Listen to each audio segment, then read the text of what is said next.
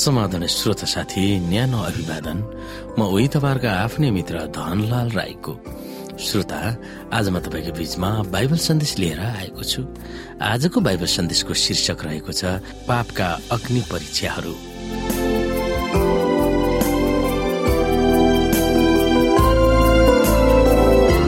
श्रोता साथी आजको अध्ययन रोमी एक अध्यायको अठारबाट परमेश्वरको क्रोध ती मानिसहरूका सारा भक्तिहीनता र दुष्टताको विरुद्ध स्वर्गबाट प्रकट भएको छ जसले सत्यलाई तिनीहरूका ईश्वरहीन र अधर्म प्रवृत्तिले दबाइराखेका छन्।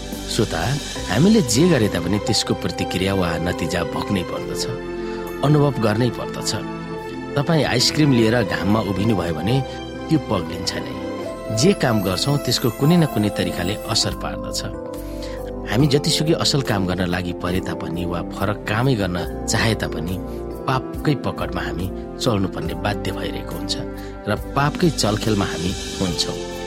जे रोप्छौँ त्यही फलाउँछौँ स्वर्गमा प्रभु विराजमान हुनु भएर मानिसहरूलाई नराम्रो काम गर्न उहाँ उक्साउनुहुन्न तर पापले चाहिँ आफ्नै चर्तिकला देखाएर मानिसहरूलाई तहस नहस पार्न खोजिरहेको हुन्छ। कतिपय समयमा हामी प्रभुलाई पन्छाएर हिँड्न सक्छौँ भन्छौँ। पापको ज्याजतीमा हामी पर्नु आवश्यक छैन भनेर ढुक्क भएर आँखा पनि चिम्लन खोज्दछौँ। तर यथार्थमा यो कहिले पनि होइन। पापको परिणाम हुन्छ भनेर पावलले स्पष्ट पार्दछ।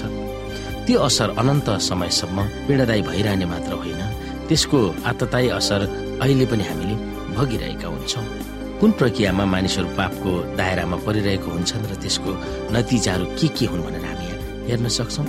पावलले व्यक्त गरेका यी शब्दहरू प्रार्थनापूर्वक केलाएर हामी हेरौँ र हामी आफै निष्कर्ष निकाल्न सक्छौँ।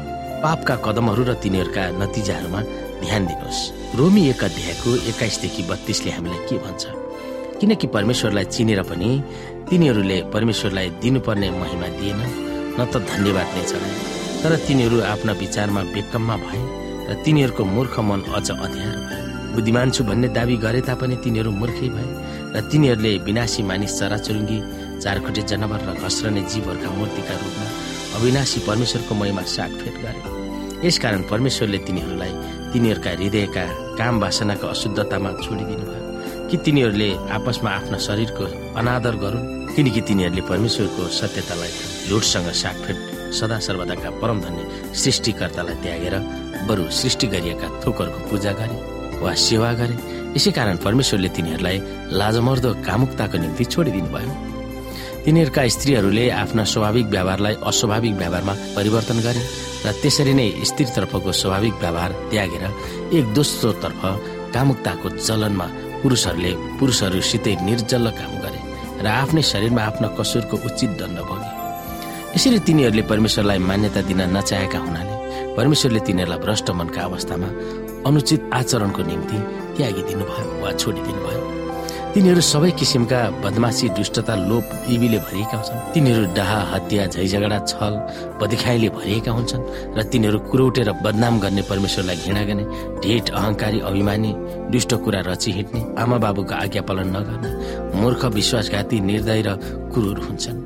यस्ता काम गर्नेहरू मृत्युको योग्य हुन्छन् यो भन्ने परमेश्वरको धार्मिक विधान जान्दा जान्दै पनि तिनीहरू यी काम गर्ने मात्र होइनन् तर त्यस्ता गर्नेहरूसँग पूर्ण सहमत पनि हुन्छन्। श्रोत साथी मानिसहरू त्यस अधर्म काममा परिरहनुको कारण प्रभुको क्रोधले हो भनेर रोमी एकको अठारमा उल्लेख गरिएको छ। प्रभुको रिस भनेको ल मानिसहरू अब पापी भयो अब म तिनीहरूलाई क्रोध देखाउँछु दुःख दिन्छु र कष्ट दिन्छु भनेको अवश्य पनि होइन।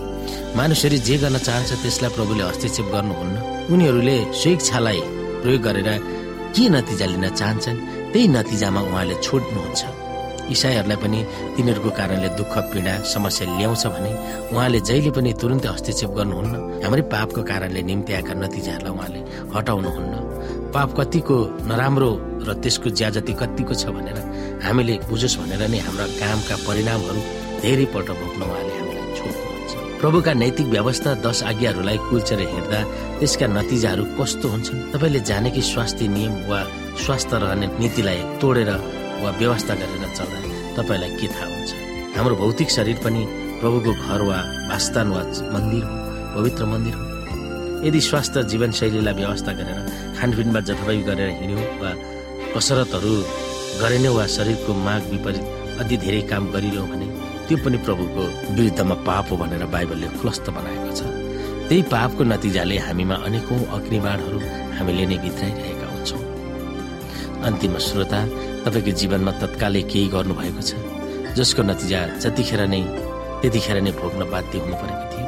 तपाईँको त्यस पापबाट के पाठ सिक्नुभयो?